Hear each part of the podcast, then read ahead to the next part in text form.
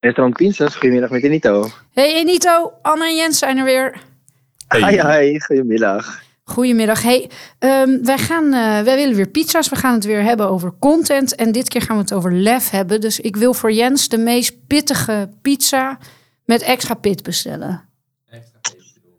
Dat, eh, dat kunnen we wel zeker doen. Dat is de Diabolicum. Ja, daar was ik al bang voor Jens. Ja. Pittige worst, jalapenos en mozzarella. Nou, succes jongen. Eh, die wil ik ook wel, maar dan met wat minder pepers. Iets minder lef. En eh 30 minuten, gaat dat weer lukken? Yes, komt helemaal goed. Zie ik jullie zo. Oké, hoi hoi, dankjewel. Als je het zo uit de context plaatst. The answer is context. the tactics change and the context change. Taken out of context from a broad statement. Welkom, dit is seizoen 2 van Context. Waarin je ontdekt hoe belangrijk content is voor het bouwen van merken. Anne en Jens van NS5 bestellen elke maand pizza en gaan in gesprek met de crazy ones uit de journalistiek Film, en uitgeverswereld. als je het zo uit de context plaatst. Wat kunnen merkbouwers leren van deze pioniers? Yes. Wat kunnen we leren, Jens? Dat gaan we uitzoeken. Weer deze aflevering. En deze aflevering gaan we het hebben over lef.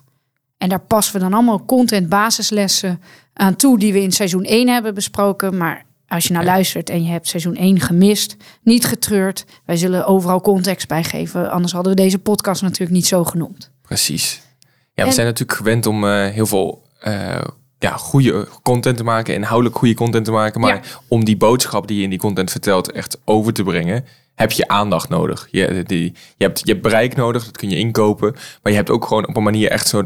Je wil ook echt die content laten vliegen. Dat eigenlijk het liefst de hele wereld van je content af weet. Dan als je, ja, als je echt iets groots, iets, iets gaat doen wat nog nooit iemand gedaan heeft, dan kun je daar aandacht voor krijgen. Maar dat soort van iets gaat doen wat nog nooit iemand gedaan heeft, of iets wat, wat heel erg opvalt, of wat heel erg nieuwswaarde heeft, dat, dat, dat, daarvoor heb je echt lef nodig. Ja, en als je over ophef hebt, dan moet ik aan iets denken. Inmiddels alweer 16 jaar geleden, 2007. Nou, toen was ik 17. Hoe oud was jij toen, Jens? Ja, toen was ik twaalf. Ja. Ach nee. Ach, Ja. Maar ik weet het nog wel, waar we nu naar gaan luisteren. heel goed. Je kon nog net... eh, ja, tuurlijk, jij was natuurlijk zo'n superkind. Jij was aan het studeren op je twaalfde. Eh, nee. Net niet. Nee, maar we gaan het hebben dan over... Ja, dan denkt iedereen aan een tv-programma... dat voor zoveel ophef zorgde... eh, dat het zelfs internationaal breaking news werd in de pershouding. The program is called Big Donor Show. A bad taste. Has reality TV gone too far? De Tweede Kamer vindt het programma onsmakelijk. In Den Haag is ophef ontstaan. Een smakeloos programma. Inderdaad, de donorshow. Dat eh, was echt wel een, eh, een groot ding in die tijd. En ze, wisten, eh, ze hebben echt een gigantische stunt ervan gemaakt. En ik denk waarom we ook eh, gekozen hebben om het in deze aflevering daar zoveel over te hebben, is omdat die donorshow niet alleen heel veel aandacht heeft gegenereerd, want iets heel geks doen, dat, dat, dat is niet het moeilijkste, maar dat die aandacht echt allemaal gefocust was op de boodschap, op de inhoud. Er zijn te weinig eh, donoren, Ja. dus, dus word orgaandonor. Dat, Ja, dat, want even kort. Er zijn Ja. misschien marketeers die luisteren. Die waren zelfs jonger dan 12 jaar. Die hebben dat gemist. Of die hadden nog geen televisie. Dat zou ook kunnen. Maar de Donorshow, dat was een eh, programma waarin een, eh, een vrouw, Lisa, een eh, 37-jarige kankerpatiënt, die zou overlijden, in het BNN-programma live op tv zou beslissen aan wie zij haar nier zou geven. En eh, ja, dat waren dan drie nierpatiënten. Het was eigenlijk een soort van eh, giveaway show, hè, wat je toen heel veel zag van die, eh, van die wedstrijden. En er waren drie kandidaten, die hadden alle drie een, een, nier nodig. En die mochten strijden voor die nier. Wie kreeg die nier? Dat mocht Lisa uiteindelijk bepalen. Welk verhaal verdiende en welk mens verdiende haar nier? Ehm, en het publiek kon haar dan ook advies geven via, ja, dat ging toen nog zo, via sms. Dus je kon stemmen naar wie moet de dier, moet de nier. Niet het dier, maar de nier. En het was een soort, dus een soort echt een spelsje over leven en, eh, en dood. En de plot twist, dat was dit.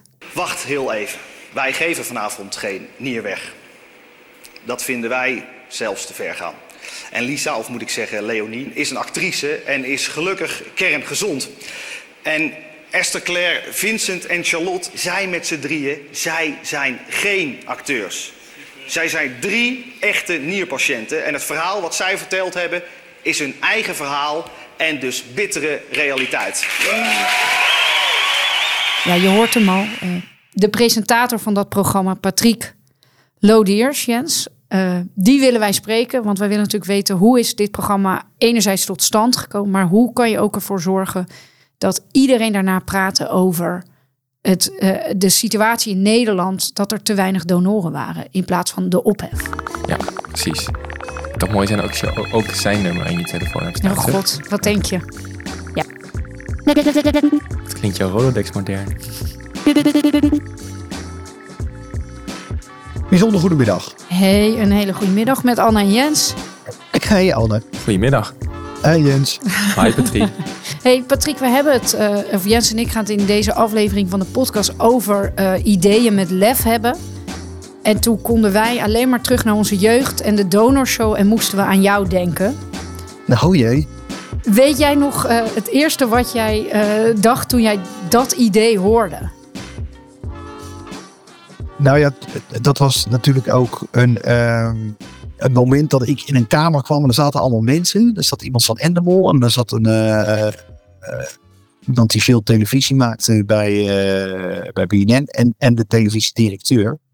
En die zei, ja, we moeten iets eh, spannends vertellen. Dus ik ging daar naar binnen en ze vertelde toen het plan.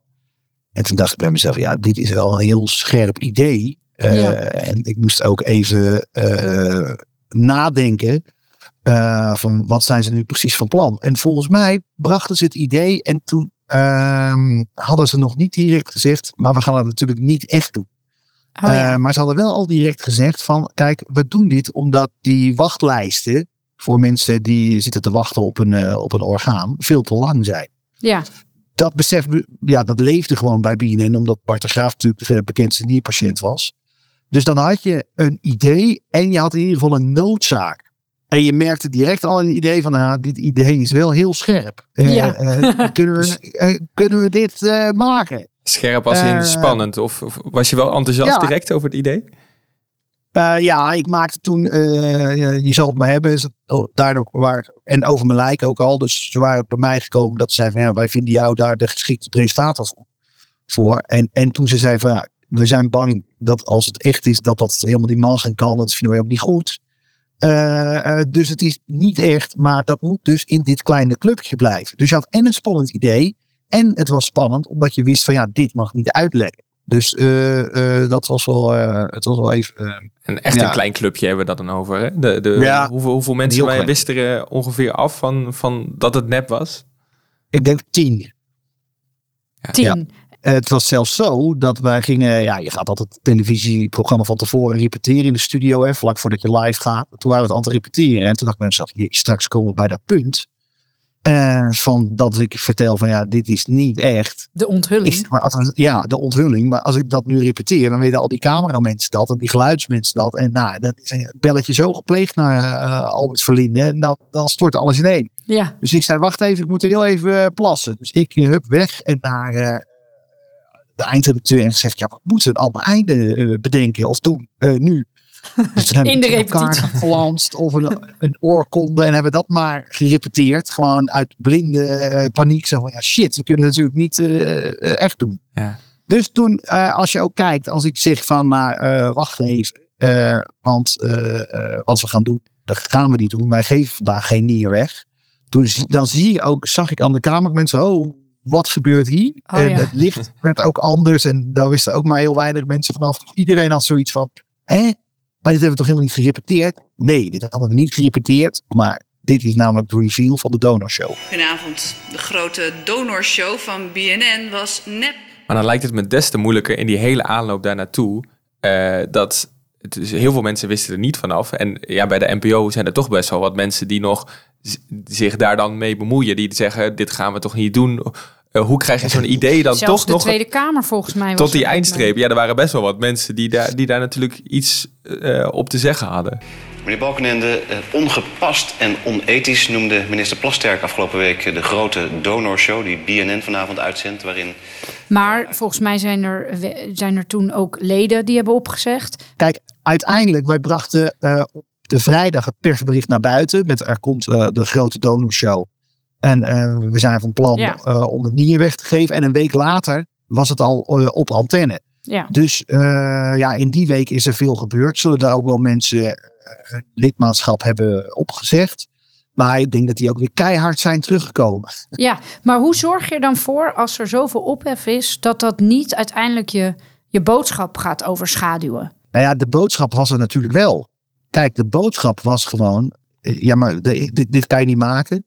Nee, dat snappen wij ook wel. Maar wat je ook niet kan maken, is dat de, de wet niet verandert. Weet je, er Ja. staan gewoon te veel mensen op een wachtlijst. Die mensen gaan dood. Ja, En eh, eh, die mensen op de wachtlijst, hè, die, waar het echt om gaat, die stonden allemaal achter dit idee. ja, Ik denk dat sinds eigenlijk die donorshow niet meer een, een stunt is geweest die zo groot is en zoveel bereikt heeft qua, qua aandacht eh, als, als, als de donorshow van toen. Zou, zou het in het huidige tijdperk nog wel steeds kunnen? Of hoe, zou, het, zou het anders gaan als je, als je nu op een dergelijke manier aandacht wil vragen voor dit probleem? Ja, het was, het was natuurlijk een, eh, een, een raar fenomeen. Want wij wilden de donorproblematiek op de agenda zetten in Nederland. Mhm. Maar de hele wereld ging zich ermee bemoeien. Dus dat was wel fascinerend. Ja, dat had je en, eh, natuurlijk nooit kunnen voorspellen, toch? dat hadden wij nooit kunnen voorspellen. Nee, nee. En dat er journalisten uit Japan overkwamen gevlogen om eh, hier eh, verslag van te doen. Dat had ik ook nooit eh, eh, kunnen denken. Ehm, en of dat nu nog eh, steeds kan. Ja, dingen gaan natuurlijk nu eh, door social media veel harder, veel sneller. En weet ik ook niet of je zoveel dingen nog zo goed geheim kan houden. Want dat is wel een. eh, ja, dat was wel echt heel noodzakelijk. Eh, stel nou dat eh, merken, die, die willen natuurlijk nu vaker voor belangrijke boodschappen, willen ze, willen, ze aandacht vragen. En we proberen dit seizoen echt naar buiten te kijken van wat kunnen we nou leren van ja, bijvoorbeeld eh, zo'n geslaagd project als, als eh, de Donorshow. Wat, wat zou je een adverteerder willen meegeven die, die ook aandacht wil vragen voor een belangrijk eh, probleem of belangrijke campagne? Nou, kijk, wat heel belangrijk is, je moet waarachtig zijn. En dat waren wij bij BNN natuurlijk als het ging over de donorproblematiek. Eh, dat kwam door eh, Bart de Graaf. En dat kwam ook omdat wij al heel lang bezig waren met dat wij de wet wilden eh, veranderen. Eh, dat zat gewoon in ons DNA. En wat ook heel belangrijk was, wij, BNN was gewoon een scherpe organisatie. Dus, dus dat, dat klopte allemaal. Ja. Nou ja, en je weet het, hè? de belangrijke regel. Hè? Eh, de, de, de, de, som, de, die, de formule moet ik zeggen. Ja, ja, ja. Impact. Impact is een product eh, van de boodschap eh, maal hoe je hem uitvoert.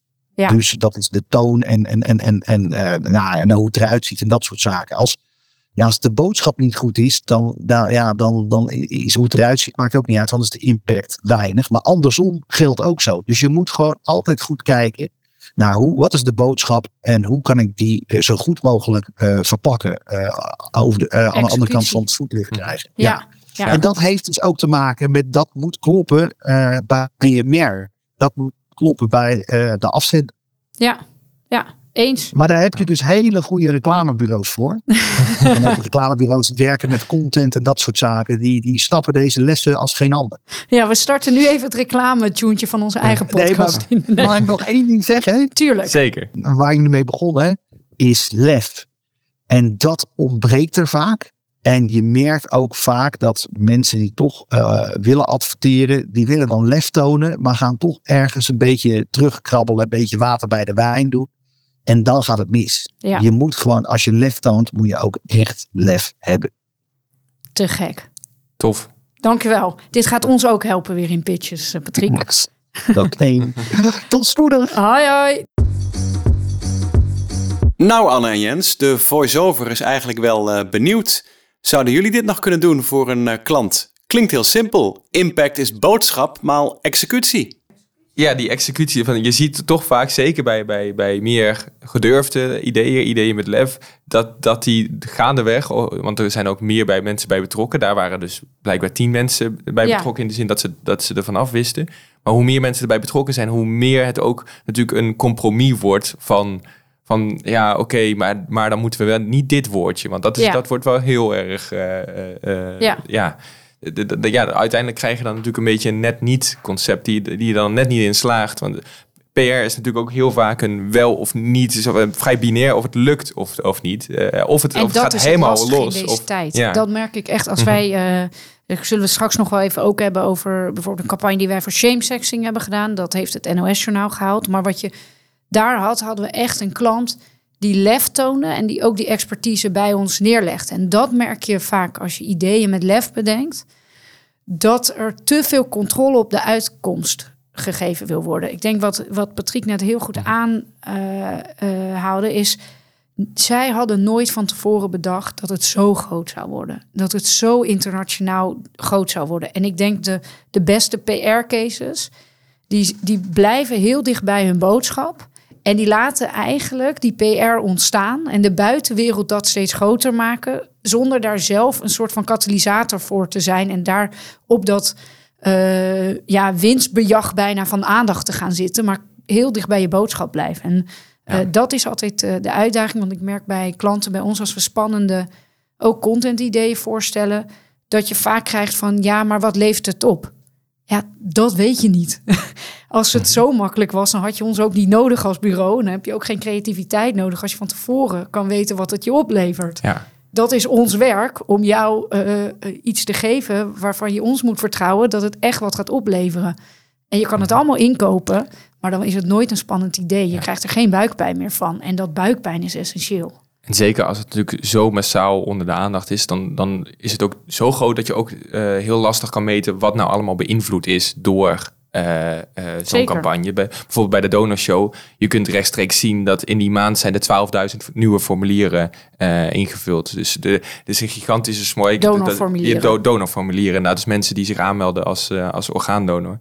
Eh, ja, da- daar was een gigantische spike in te zien. En eh, ook op lange termijn zag je dat dat, dat dat level iets hoger bleef dan dat dat initieel was.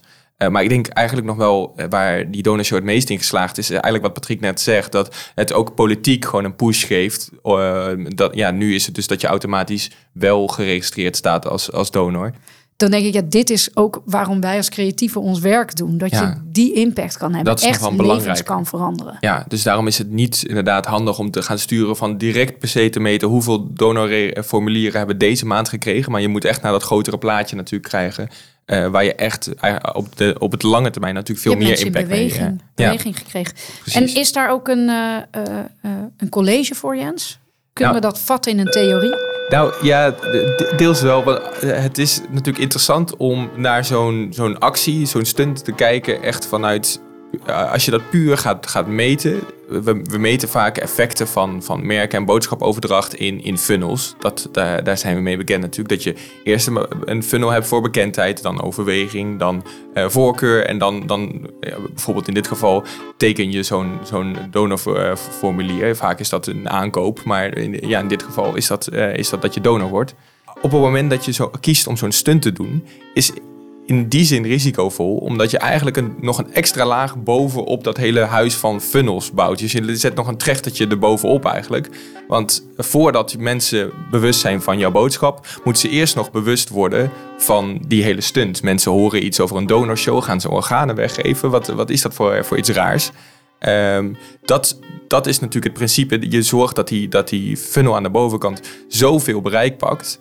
Eh, maar het lastige is vervolgens, die moet je nog weer soort van converteren naar de volgende laag in de funnel. Dat nou, nou daadwerkelijk jouw boodschap overkomt. Ja. En dat is waar het heel vaak misgaat. Is dat die funnel misschien wel, die bovenste laag, heel veel aandacht krijgt. Maar dat het conversie naar, naar de volgende laag, dat, dat, ja, dat je daar eigenlijk maar zo'n klein percentage krijgt.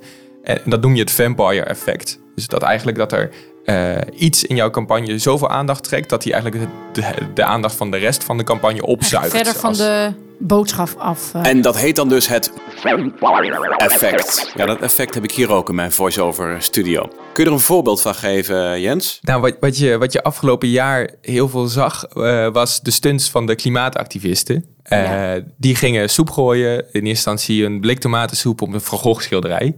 Nou, dat heeft, eh, als je kijkt naar, naar het aandachtsniveau daarvan, dat is denk ik in alle landen, eh, al- alle nieuwsmedia, heeft het voor, voor be- best wel een paar weken, want er waren ook nog een andere, paar andere activisten die ook iets gingen gooien op schilderijen. Eh, nou ja, dat, dat heeft echt in de, dus in de miljarden eh, views bereik gehad. Eh, Ja, dat, dat is, dat is eh, ontzettend goed natuurlijk. Maar daar was natuurlijk heel erg sprake van een vampire effect. Want bijna alle aandacht ging naar... eh, Soep gooien. s- soep gooien. En bijna wij, geen aandacht ging naar stop oil now. Wat, wat Ja. eigenlijk hun boodschap was. We moeten, we moeten iets eh, gaan doen aan die, eh, aan die klimaatverandering. Ehm, ja, dat is duidelijk inderdaad een, een vampire effect. Eh, maar je zou nog kunnen verantwoorden, omdat ehm, ook al is misschien die conversie van die ene funnel-laag, die bovenste, naar het soep gooien, naar we moeten iets doen aan klimaatverandering, maar 0,01% of zo, dan heb je een hele lage, een hele lage conversie.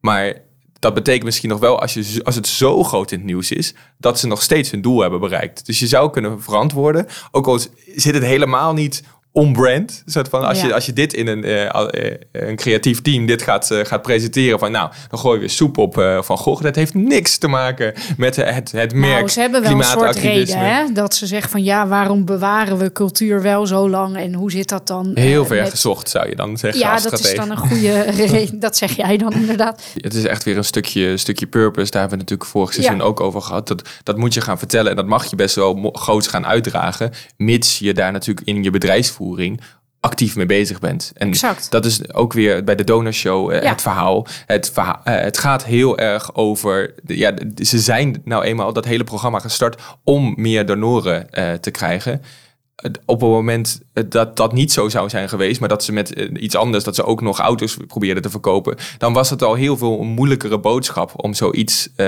te, gaan vertellen.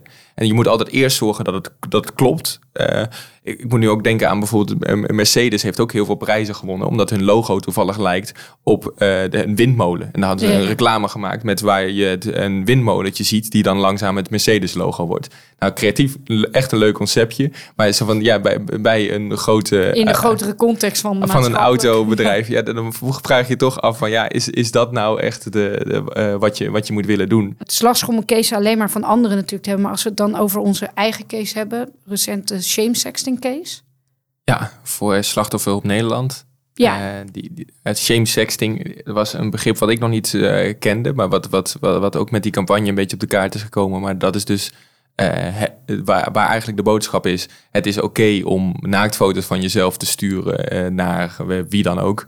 Eh, het is niet oké om die zonder ongevraagd door te sturen. Eh, Ja. Want heel vaak wordt de, de, de, de- het slachtoffer eigenlijk van degene die, waar de foto's van worden doorgestuurd, eigenlijk als dader gezien van oh wat dom van jou, je, dat, dat had je niet moeten doen. Victim blaming. Victim blaming, inderdaad. Dat, daar daar is, is campagne over gemaakt. Ja, Eh, eigenlijk kwamen zij naar ons toe en zeiden ze... ja, sexting is een beetje zoals vroeger zoenen in het fietsenhok. Dat zag niemand en dat bleef tussen jou.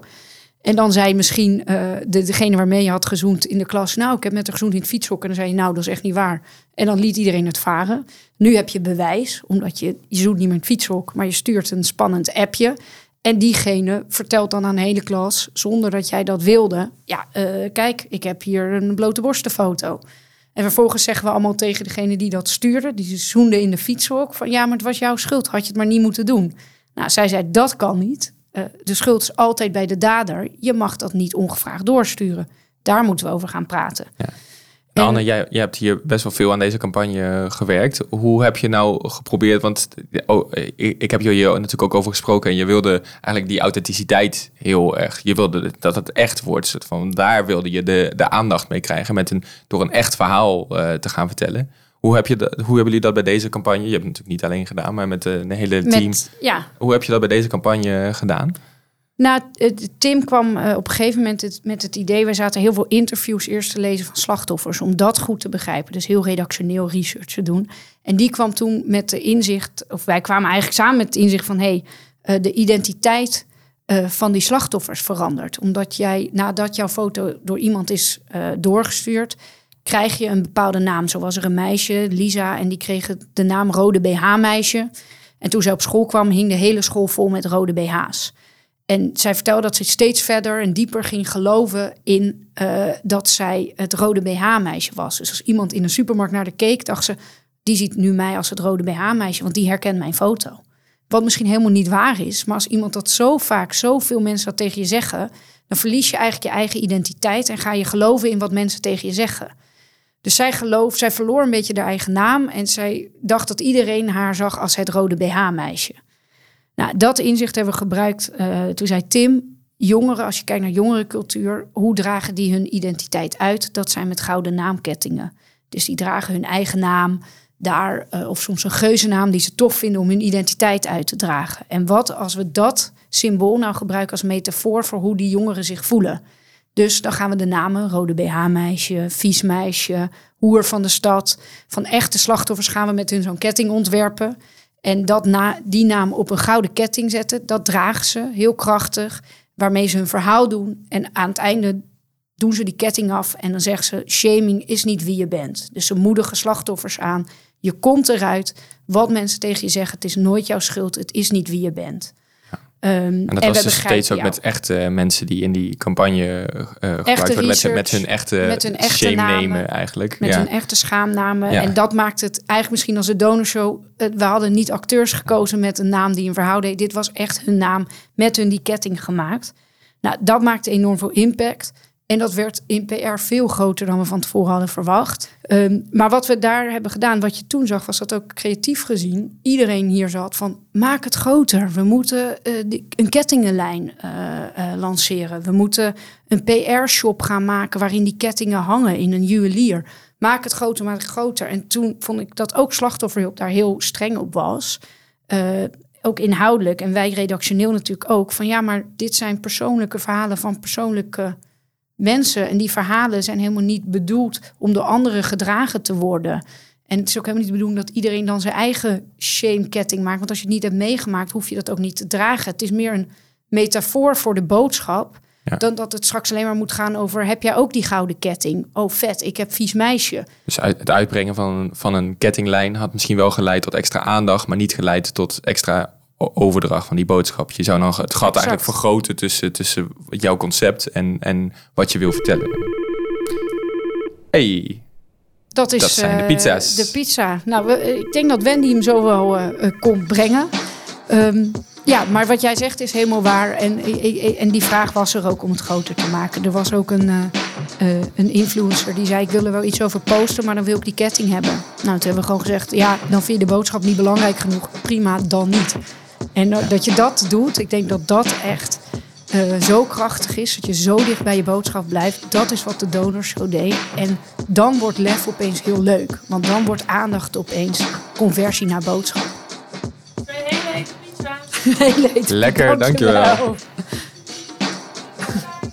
Iedereen is jaloers die hier nog een biertje drinkt. Wij hebben pizza en zij niet. Ja, dus zo gaat dat hè, als je content maakt. Top. Oh ja, wat gaan we eigenlijk volgende keer? Uh, ja, de, de volgende spreken? keer gaan we iemand spreken die ik heel graag zou willen spreken, Jens. Je hebt de vorige nou. keer twee keer mogen aankondigen en kiezen. Uh, maar ik wil heel graag met Wouter van Noord praten. Vertel waarom, man. Hè? Ja, een journalist van het NRC. Jij wil hem ook graag spreken, weet ik. Ik zie je al glimlachen nu naar me Ik zie kijkt. hem uh, heel vaak voorbij komen op LinkedIn. Uh, met altijd weer leuke, interessante posts. Ja, en noem nou eens nog een journalist die je heel vaak voorbij ziet komen op LinkedIn. Die relevant voor je is. Moet ik even over nadenken. Precies. Nou, en dat vind ik de kracht van Wouter van Noord. Die heeft echt innovatie kunnen toepassen in uh, de journalistiek. En uh, ik wil weten wat zijn grotere gedachte daarachter is. En, uh, en hoe hij dat doet. En wat wij als merken daarvan, uh, merkenbouwers daarvan kunnen leren. Nou, hem horen we dan de volgende keer. En terwijl Anne en Jens hun pizza Diabolo meester maken... vraag ik je nog even om deze podcast vooral te delen met andere professionals... die iets hebben aan het vampire effect. Tot de volgende keer. Dit is Context.